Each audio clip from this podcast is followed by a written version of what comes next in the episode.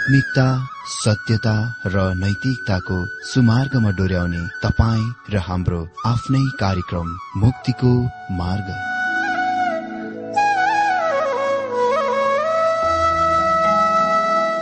आदरणीय श्रोता यस मुक्तिको मार्ग कार्यक्रममा हार्दिक स्वागत छ।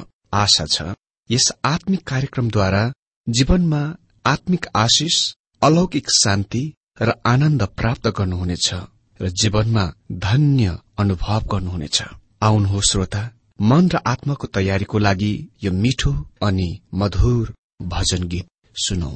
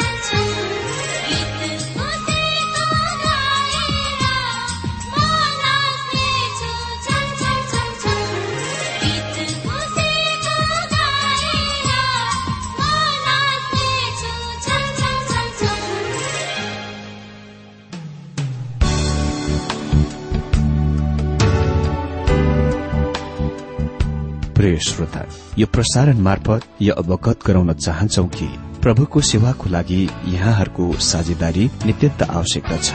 यहाँहरूले प्रार्थनाको साथसाथै आर्थिक सहायता गर्न अनुरोध गर्दछौ। तपाईँहरूको सानो भन्दा सानो भेटी किन नहोस्? हामी प्रभुको नाममा स्वीकार गर्नेछौ। प्रभुको सेवाको लागि। तपाईँहरूको यो सानो लगानीले कसैको जीवनमा भिन्नता ल्याउँछ अनि प्रभुको महिमा हुन्छ। प्रभु तपाईँहरूलाई महान गरी आशिष दिनुहुनेछ। इच्छुक श्रोताहरूले तपाईँको इच्छा भेटी हाम्रो ठेगानामा पठाउन सक्नुहुन्छ जुन ठेगाना हामी कार्यक्रमको अन्तमा दिनेछौं। प्रिय श्रोता मित्र प्रभु येशु ख्रिस्टको मधुर अनि सामर्थ्य नाममा तपाईँ सबैलाई मेरो जयमसी अनि म आशा गर्दछु आज तपाईँ सबै मनको तयारीको साथ यहाँ बाइबल अध्ययनको लागि आइपुगिसक्नु भएको छ। श्रोता आज हामी बाइबल अध्ययन जकरिया पाँच अध्यायबाट आरम्भ गर्न गइरहेका छौं। सायद आज हामी पाँच अध्याय एकदेखि चार पदसम्म बाइबल अध्ययन गर्नेछौं। मित्र अहिले हामी यो पाँच अध्यायमा दुई दर्शनहरूतिर आउँदछौ। जुन अति नै धेरै आलंकारिक हो र यो दर्शनहरूको मालाहरूको असामान्य दर्शनहरू हो।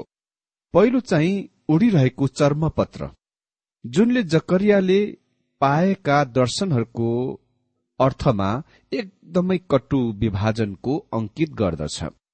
पहिला दुई अध्यायहरूमा परमेश्वरले स्पष्ट पार्नुहुन्छ कि उहाँले इसरायलका सम्पूर्ण शत्रुहरूलाई पतन गर्न इरादा गर्नुहुन्छ र इसरायल राष्ट्र पुजारीहरूको राष्ट्र बन्नेछ। जुन परमेश्वरको मौलिक सुरुको इच्छा थियो। परमेश्वरले तिनीहरूलाई भन्नुभयो कि यो नै तिनीहरूको निम्ति उहाँको इच्छा थियो जब उहाँले तिनीहरूलाई मिश्री बन्धनबाट निकाली ल्याउनुभयो। तर तिनीहरूका पापको कारण खालि एउटै अर्थात् लेबीको कुल मात्र पुजारी कामको लागि चुनिएथे। त्यसपछि यहोसु र शैतानको दर्शनमा हामीले सिक्यौं कि त्यो राष्ट्र पहिले चाहिँ शुद्ध गरिन पवित्र गरिन आवश्यक परेको थियो। त्यसपछि हाँगा र सातवटा आँखा भएका चट्टानको दर्शनले चाहिँ भविष्यको अगाडि त्यस राज्य युगतिर हेर्दथ्यो जब परमेश्वरले तिनीहरूलाई शुद्ध पवित्र गरेपछि तिनीहरूलाई प्रयोग गर्नुहुनेछ। र तिनीहरू संसारको ज्योति बन्नुहुने थिए।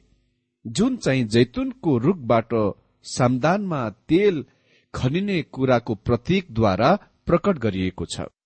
पवित्र आत्माको प्रतिनिधित्व गर्ने तेलले संकेत गर्दथ्यो कि तिनीहरू पवित्र आत्माको शक्तिमा साक्षी हुनेथे। त्यो सबै राम्रो र असल कुरा हो। तर यसले प्रश्न खडा गर्दछ के यसको मतलब यो राष्ट्रको प्रत्येक सदस्य प्रत्येक इसरायली चुनिनेछन् त? ती जो सधैँ निरन्तर विद्रोह र पापमा लागिरहन्छन् हाम्रो सामने भएको दर्शनहरूमा हामीले यो देख्नेछौ कि परमेश्वरको दण्ड ती मानिसहरूमाथि आउनेछ जो उहाँप्रति आज्ञाकारी बन्दैनन्। उहाँले ती मानिसहरूलाई खोजेर निकाल्नुहुनेछ जो विद्रोही बाघीहरू छन् र उहाँ तिनीहरूलाई न्याय गर्नुहुनेछ दण्ड दिनुहुनेछ। उही प्रकारले परमेश्वरले यो पूरा संसारमा गर्नुहुनेछ। यद्यपि यी दर्शनहरूसँग दिमागमा वा मनमा स्थानीय राष्ट्र भए तापनि तिनीहरूसँग पनि विश्व दृष्टि छ। यहाँ ठूलो विश्वव्यापी सन्देश छ जुनले यहाँ पृथ्वीमाथि परमेश्वरको राज्यको स्थापनतिर अगाडि हेर्दछ। यसले यो कुरालाई एकदम स्पष्ट पार्दछ जुन परमेश्वरले इसरायलको सम्बन्धमा भन्नुभएको थियो।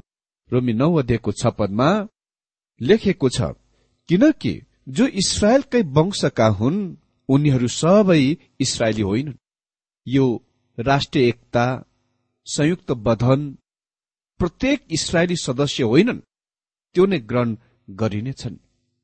प्रत्येक व्यक्ति विशेष परमेश्वरप्रति आज्ञाकारी हुनु पर्दछ शुद्धिकरणको लागि परमेश्वरको कायदामा आउनुपर्छ जुनको हामीले देखिसकेका छौं र मसिहालाई ग्रहण गर्नुपर्नेछ। जुन इसरायल राष्ट्रको बारेमा भनिएको छ यो मण्डली चर्चको निम्ति पनि सत्य हो। प्रत्येक चर्च वा मण्डली सदस्यहरू सत्य पक्का क्रिस्चियन विश्वासीहरू होइनन् हुँदैनन् सबै। अर्थात् विश्वासीहरूको बधनका सदस्यलाई चर्च वा मण्डली भनिन्दछ।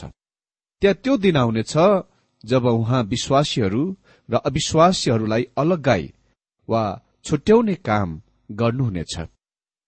चर्च अर्थात् मण्डलीको महान विभाजन चाहिँ स्वर्गीय यात्राको बेलामा हुनेछ। अनि इसरायलको लागि विभाजन र पृथ्वीमा हुने सम्पूर्ण राष्ट्रहरूको लागि विभाजन ख्रिस्टको दोस्रो आगमनमा हुनेछ जब उहाँले आफ्ना राज्यमा आफ्ना चुनिएकाहरूलाई भेला गर्नुहुनेछ। त्यसपछि त्यहाँ न्याय वा दण्ड हुनेछ र शैतानलाई एक हजार वर्षसम्म बाँधिनेछ। यो सबै तस्विर यहाँ हामीलाई दिइएको छ। तपाईँ देख्न सक्नुहुन्छ यो चाहिँ जकरियाको दिनमा ती कैदबाट फर्किआएका बाँकी बचेका ईश्वरीय इसरायलीको उत्साहको लागि र आज हाम्रो लागि पनि उत्साहको लागि थियो। त आज हामी देख्नेछौ उडिरहेको चर्म पत्रको दर्शन। जकरिया पाँच अध्यायको एक पदमा लेखिएको छ मैले फेरि हेरे र मेरो अघि उडिरहेको एउटा चर्मपत्रको मुठो थियो। सबभन्दा पहिलेमा हामीले थाहा पाउनु पर्ने कुरा यो हो कि यो उडिरहेको चर्मपत्रले चाहिँ परमेश्वरको वचनको प्रतिनिधित्व गर्दछ। हामी यसको व्याख्या स्पष्टीकरण इजिकियल भविष्यवक्ताबाट दुई अध्यय नौ पददेखि तीन अध्यय चार पदमा पाउँदछौ।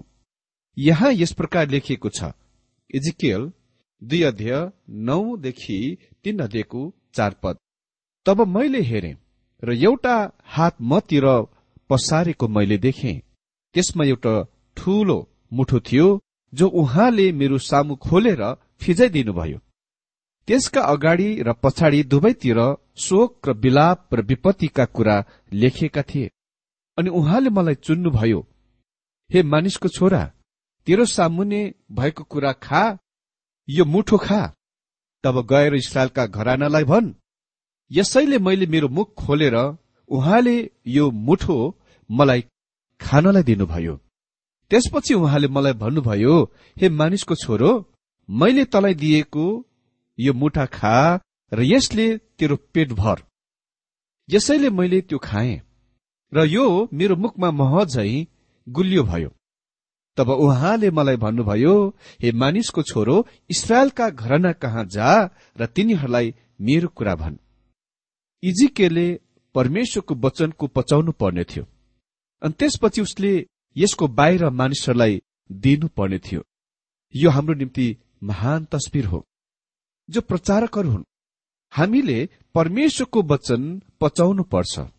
त्यो हाम्रा भुँडीहरूमा तितो हुन सक्ला तर हाम्रा मुखहरूमा यो मह जस्तो मिठो हुँदछ।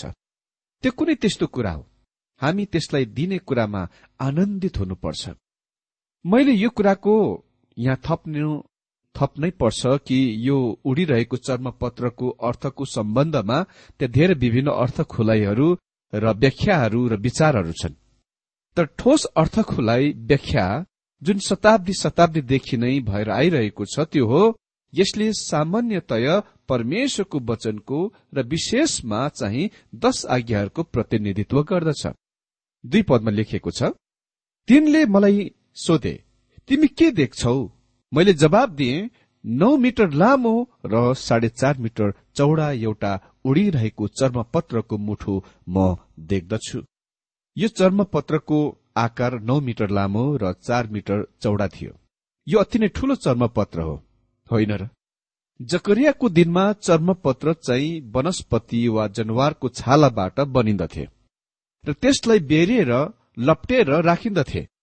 जब त्यसलाई पढिन्दथ्यो त्यसलाई बिस्तारै बिस्तारै भेरिएको वा लपेटेको अवस्थाबाट फुकालिन्दथ्यो वा खोलिन्दथ्यो। यसले आज भोलि हामीले पुस्तक पढ्दा पान पल्टाएको जस्तै गर्न पर्दैनथ्यो। अहिले त्यो चाहिँ विशाल र असामान्य आकारको चर्मपत्र भएकोले गर्दा त्यस तरिकामा पढ्न सुविधा हुँदैनथ्यो र त्यसको पढ्नलाई सुविधाको कुरा चाहिँ त्यसलाई पूरा फिजाउनु पर्ने थियो र उसले यो अति नै विशाल चर्मपत्रको उडिरहेको देख्छन्। यसको मतलब त्यो पूरा मुलुकभरि तीव्रतापूर्ण यात्रा वा सफर गरिरहेको थियो। म कल्पना गर्दछु त्यो चर्मपत्र पूर्ण रूपमा लपेटिएको थिएन। त्यो फिजिएको थियो जब त्यो पूरा तस्विरमा बढ्यो। चर्मपत्रको आकार सम्भवत महत्वपूर्ण र अर्थपूर्ण छ किनकि यसको आकार मन्दिरमा सुलेमानको दलान र भेट हुने पाल वा पवित्र वासस्थानको पवित्र स्थान जतिकै ठूलो आकारको छ। पहिलो राजा छ अध्यय तीन पदमा हामी पढ्छौं। मन्दिरको मुख्य सभाकक्षको सामुन्यको दलान मन्दिरको चौडै भरि फैलिएको थियो। अर्थात बीस हात चौडा थियो। मन्दिरको अघिल्तिर त्यो दस हातसम्म निस्केको थियो। त्यो स्थानमा पुजारी आउन सक्थ्यो र व्यवस्था अनुसार आराधना पूजा गर्दथ्यो। कोही पनि पर्दाको भित्र जान सक्दैनथे जबसम्म रगत त्यसमा लगाएको हुँदैनथ्यो। त्यो चाहिँ प्रधान पुजारीद्वारा मात्र सालमा एकपल्ट गरिन्दथ्यो। जब उनी सम्पूर्ण राष्ट्रको प्रतिनिधिको रूपमा भित्र जान्थे जब प्रधान पुजारी त्यहाँ भित्र जान्थे उनी छुटकारा पाएको अर्थात रगतद्वारा उद्धार छुटकारा पाएको आधारमा उभिन्दथे। तपाईँ र म आज उद्धार वा छुटकारा गरिएको आधारमा उभिन्दछौ। हामी सुन चाँदी वा बहुमूल्य पत्थरहरू वा बहुमूल्य आभूषणहरूद्वारा किनेर छुटकारा पाएका होइनौ। तर येशु ख्रिष्टको बहुमूल्य रगतद्वारा तर म ओढिरहेको कार्पेटमा उभिरहेको छैन। हामी स्वर्गीयबाट पठाइएको मिसाइलमा आश्रित हुँदैनौ। हामीलाई पापको शक्ति र दण्डको ज्यालाबाट छुटकारा गरिएका हौ। युहान तीन अध्यय चौध र पन्ध्र पदले भन्छ जसरी मोसाले उजाड स्थानमा सापले उचाले त्यसरी नै मानिसका पुत्र पनि उचालिनु पर्छ उहाँमाथि विश्वास गर्ने कोही पनि नष्ट नहोस् तर त्यसले अनन्त जीवन पाओस्। हजुर तीन पदमा लेखिएको छ यहाँ। अनि तिनले मलाई भने सारा देशमाथि पर्न लागेको यो सराफ हो किनकि यसको एकापट्टि भने अनुसार हरेक चोर निर्वासित हुनेछ र अर्कापट्टि भने अनुसार हरेक झुट्टो शपथ खाने निर्वासित हुनेछ। मित्र यो प्रत्यक्ष छ कि चर्मपत्रमा दश आज्ञा लेखिएका थिए। अनि त्यस आज्ञाहरूलाई दुई भागमा बाँडिएका छन्। पहिला चार आज्ञाहरूले परमेश्वरप्रति मानिसको सम्बन्धसँग व्यवहार गर्दछ अनि अन्तिम छ आज्ञाहरूले मानिसप्रति मानिसको सम्बन्धसँग व्यवहार गर्दछ। त्यसकारण चोरीको सम्बन्धमा आज्ञाको यहाँ उद्धृत गरिएको छ किनकि यसको एकापट्टि भने अनुसार हरेक चोर निर्वासित हुनेछ। यसले सम्भवत त्यस खण्डको दर्शाउँछ जुन मानिसप्रति मानिसको सम्बन्धको व्यवहार गर्दछ। यो स्पष्ट रूपमा भजन संग्रह पचास अध्यय अठारदेखि एक्काइस पदमा थम्याइएको छ जहाँ यस प्रकार लेखिएको छ चोरलाई भेट्दा त चोरकै साथी हुन्छस्। यो चाहिँ तैले चोरी नगर्नु भन्ने आज्ञाप्रति पर्छ अनि त व्याविचारिकको संगत गर्दछस्। यो चाहिँ तैले व्याविचार नगर्नु भन्ने आज्ञा अन्तर्गत आउँछ। खराबी बोल्नलाई त आफ्नो मुख चलाउँछस् र तेरो जिब्रोलाई छली कुराको लागि काममा लगाउँछस्। त निरन्तर आफ्नै भाइको विरुद्धमा बोल्छस् र तेरो सबै साक्खै भाइको निन्दा गर्छस्। यो चाहिँ तैले आफ्ना छिमेकीको विरुद्ध झुट्टा साक्षी नबोक्नु भन्ने आज्ञा अन्तर्गत आउँछ। अनि तैले ती सब काम गरेको छस् र म चुप लागे। तैले सोचिस म सर्वदा त जस्तै छु तर म तलाई हप्काउनेछु र तेरो मुखको अघि तेरो दोष देखाउनेछु अहिले त्यस दिनमा मानिसहरू परमेश्वरको दण्ड नपाइकन वा दण्ड नभोगिकन नै दश आज्ञाहरूको तोड्न समर्थ वा योग्य भएकोले गर्दा तिनीहरू यस निष्कर्षमा आए कि उहाँ पनि बिल्कुल तिनीहरू जस्तै रहेछन्। उही ड्याङको एउटै मुला रहेछन् र तिनीहरूका अपराधहरूको बारेमा केही पनि गर्नुहुने छैन परमेश्वरले। तर परमेश्वर भन्नुहुन्छ उहाँले तिनीहरूको बारेमा केही निश्चय नै गर्न गइरहनु भएको छ। मित्र मसैक व्यवस्था इसरायलको राष्ट्रलाई दिइएको थियो र त्यो त्यस राष्ट्रको व्यवस्था हुनुपर्ने थियो र तिनीहरूले त्यस व्यवस्थालाई पालन गर्नुपर्ने थियो। निश्चय नै तिनीहरूले यसको उल्लङ्घन गरे। त्यसकारण परमेश्वरले तिनीहरूलाई आफ्ना मुलुकबाट बाहिर निकाल्नुभयो। अनि राष्ट्रहरू बीच तिनीहरूका तितर बितरमा तिनीहरूले मोसाको व्यवस्थाको पनि तितर बितर गरे। सभ्यताको चिनो परमेश्वरका आज्ञाहरू हुन् जुनले विशेष गरेर मानिससँग मानिसको सम्बन्धको बताउँदछ। म चाहन्छु कि तपाईँले यहाँ तीन महान सिद्धान्तहरूको ध्यान दिएको जुन व्यवस्थाको सम्बन्धमा विशेष गरेर दश आज्ञाहरूको सम्बन्धमा लेखिएको छ। दश आज्ञाहरू इसरायल राष्ट्रलाई दिइएको थियो किनकि तिनीहरू विश्वासको केन्द्र स्थान वा चौराहामा खड़ा भएथे र तिनीहरूले यिनीहरूलाई आफूसँगै नै लिएर गए जहाँ जहाँ तिनीहरू गए। तिनीहरूसँग मिश्रमाथि अति नै महान प्रभाव थियो जब तिनीहरू त्यहाँ मिश्रमा राष्ट्र बनेथे जब तिनीहरू असुरी वा बेबिलोनी कैद वा बन्धुवामा थिए तिनीहरूसँग यी पहिला महान साम्राज्यहरूमा पनि अति नै महान प्रभाव थियो। तिनीहरूसँग ग्रिस मेसोडोनिया साम्राज्य र रोमी साम्राज्यमाथि पनि महान प्रभाव थियो। दश आज्ञाहरूले सभ्यताको उत्पादन गर्यो। अनि यो विश्वका महान सभ्यताहरूले यी व्यवस्थाहरूलाई आफ्ना आधारको रूपमा आफ्नो जको रूपमा ग्रहण गरेका छन्। जस्तै तैले हत्या नगर्नु तैले नचोड्नु तैले झुट साक्षी नदिनु तैले व्यविचार नगर्नु यी कुराहरू राष्ट्रको निम्ति परिवारको निर्माण उन्नति गर्ने जीवनको तौर तरिकाको निर्माण गर्ने र सभ्यताको स्थापित गर्ने आधारभूत हुन्। जग हुन्। अनि मित्र परमेश्वरले इसरायललाई उदाहरणको रूपमा दिनुभएको छ। तिनीहरूले यी आज्ञाहरूको उल्लङ्घन गरेकोले गर्दा परमेश्वरको दण्ड तिनीहरूमाथि खसेथ्यो। परमेश्वर भावमा भनिरहनु भएको छ यद्यपि तैले इसरायललाई एक राष्ट्रको रूपमा चुने तापनि म प्रत्येक व्यक्ति विशेष र राष्ट्रलाई दण्ड दिनेछु जसले मेरा आज्ञाहरूको उल्लङ्घन गर्दछ। र यसरी उडिरहेको चर्मपत्रले पूरा पृथ्वीको लागि आधारको प्रतिनिधित्व गर्दछ जुनमाथि परमेश्वरले राष्ट्रहरूसँग व्यवहार गर्नुहुन्छ। चाखलाग्दो कुरा यो छ कि व्यवस्थासँग कुनै गलत कुरा भेटाउन अति नै धेरै मुस्किल छ। अहिले परमेश्वर अगाडि बढ्नु भएर यो भन्नुहुन्छ चार पदमा लेखिएको छ सर्वशक्तिमान परमप्रभु घोषणा गर्नुहुन्छ म शराब पठाउनेछु र चोरको घरमा र मेरो नाउँमा झुटो शपथ खानेको घरमा त्यो पस्नेछ। र त्यो घरभित्र रहनेछ र त्यसको काठपात र ढुङ्गा दुवै सर्वनाश गर्नेछ। मित्र त्यो चोरको घरमा पस्नेछ।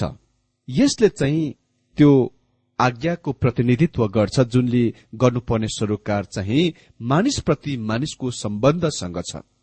कि मानिसले मानिससँग कुन तरिकाले सम्बन्ध राख्ने भन्ने व्यवस्थासँग यो आश्रित छ। मेरो नाउँमा झुटो शपथ खानेको घरमा त्यो पस्नेछ। यसले चाहिँ दश आज्ञाहरूको पहिलो खण्डको संकेत गर्दछ।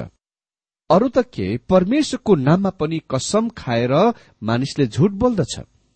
दश आज्ञाहरू कहिले पनि ख्रिस्टियनहरूलाई जीवनको बाटोको रूपमा मार्गको रूपमा दिइएको थिएन।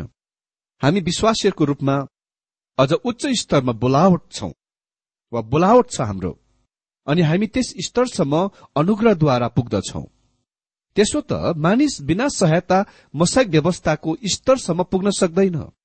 परमेश्वरले तिनीहरूलाई व्यवस्था दिनुभयो। तर उहाँले तिनीहरूलाई त्यससँग साथ जान कुनै सहायता दिनु भएन त्यसको मतलब उहाँले तिनीहरूलाई आत्माको भरपुरीको दिनु भएन पवित्र आत्मा पुरानो नियमका सन्तहरूमा सधैँको लागि स्थायी बास गर्नु हुन्न थियो जस्तो कि आज हाम्रो विश्वासीहरूको जीवनमा हृदयमा पवित्र आत्मा हाम्रो हृदयमा सधैँको लागि स्थायी रूपमा बास गर्नुहुन्छ। त्यसकारण मानिसले आफ्नै सामर्थ र योग्यतामा कहिले पनि दश आज्ञाहरूको नापसम्म नापिन सकेनन्। तपाईँ र म अनुग्रहको युगमा रहेका छौं अनि परमेश्वरले हामीलाई पवित्र आत्मा दिनुभएको छ जुनद्वारा हामी हाम्रा जीवनहरूमा आत्माका फलहरू उत्पादन गर्न सक्छौ जस्तै प्रेम आनन्द हर्ष शान्ति धीरज इत्यादि जुन मोसाको व्यवस्थामा कहिले पनि थिएन। परमेश्वरले आजको यो बाइबल अध्ययनद्वारा हरेकलाई धेरै धेरै आशिष दिनुभएको होस्।